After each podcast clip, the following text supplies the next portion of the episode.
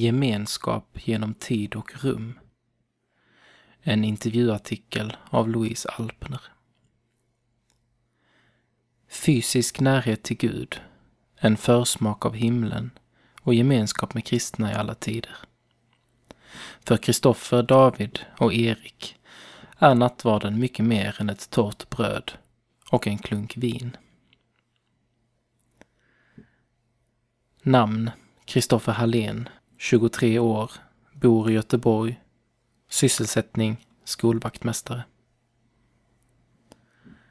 David Olsson, 22 år, bor i Jörlanda, sysselsättning pluggar till civilingenjör. Erik Alpner, 22 år, bor i Kungälv. Sysselsättning, pluggar teologi. En eftermiddag i september träffar jag Kristoffer Hallén, David Olsson och Erik Alpner. De är med i samma pluton i hemvärnet, men har också det gemensamt att nattvarden betyder mycket för dem. Jag ställer några frågor till dem för att få reda på varför de tycker att just nattvarden är så speciell. Och för att kanske själv få se det som de ser i en bit bröd och lite vin. Vad betyder nattvarden för er? Erik. Nattvarden är ett möte mellan mig och Gud själv. På ett fysiskt, konkret sätt får jag röra vid Jesus. Kristoffer. I nattvarden får jag komma Kristus så nära det går. Han kommer närmare mitt eget inre, också rent fysiskt. Nattvarden visar även på enheten i kyrkan. Det är ett nattvardsbord, även om nattvarden firas i många tider och på många platser. En präst jag känner lägger alltid av sig klockan när han håller i en mässa för att markera att alla nattvarder som har firats och som kommer att firas ryms i den nattvard man firar just nu. Det blir en verklig gemenskapsmåltid med kristna i alla tider, men framförallt med Gud, som både är med vid måltiden och är själva måltiden. Vad är det man får i nattvarden? David. Förutom att vi får del av Kristi kropp och blod och har gemenskap med andra kristna, så står det i Bibeln att vi får syndernas förlåtelse när vi tar emot nattvarden. Vad brukar ni tänka på när ni tar emot nattvard? Erik. Jag slås ofta av det stora i att lilla jag får hålla den levande guden i min hand.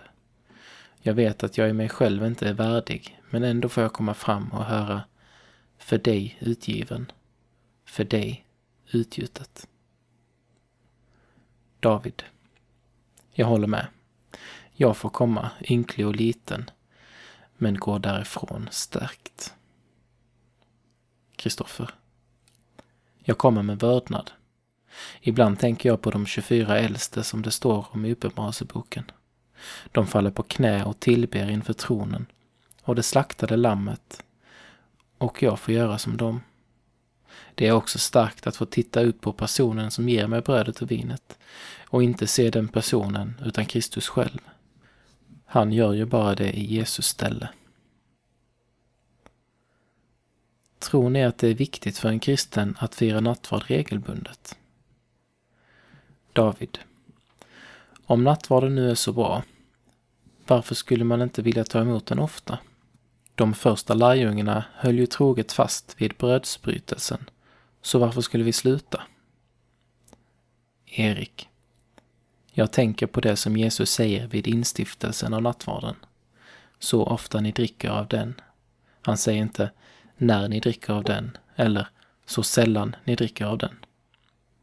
Utifrån Jesu formulering tror jag att han har en tanke om att vi ska fira nattvard ofta. Kristoffer.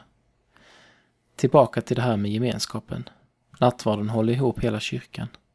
Vi får en intim närhet med vår familj.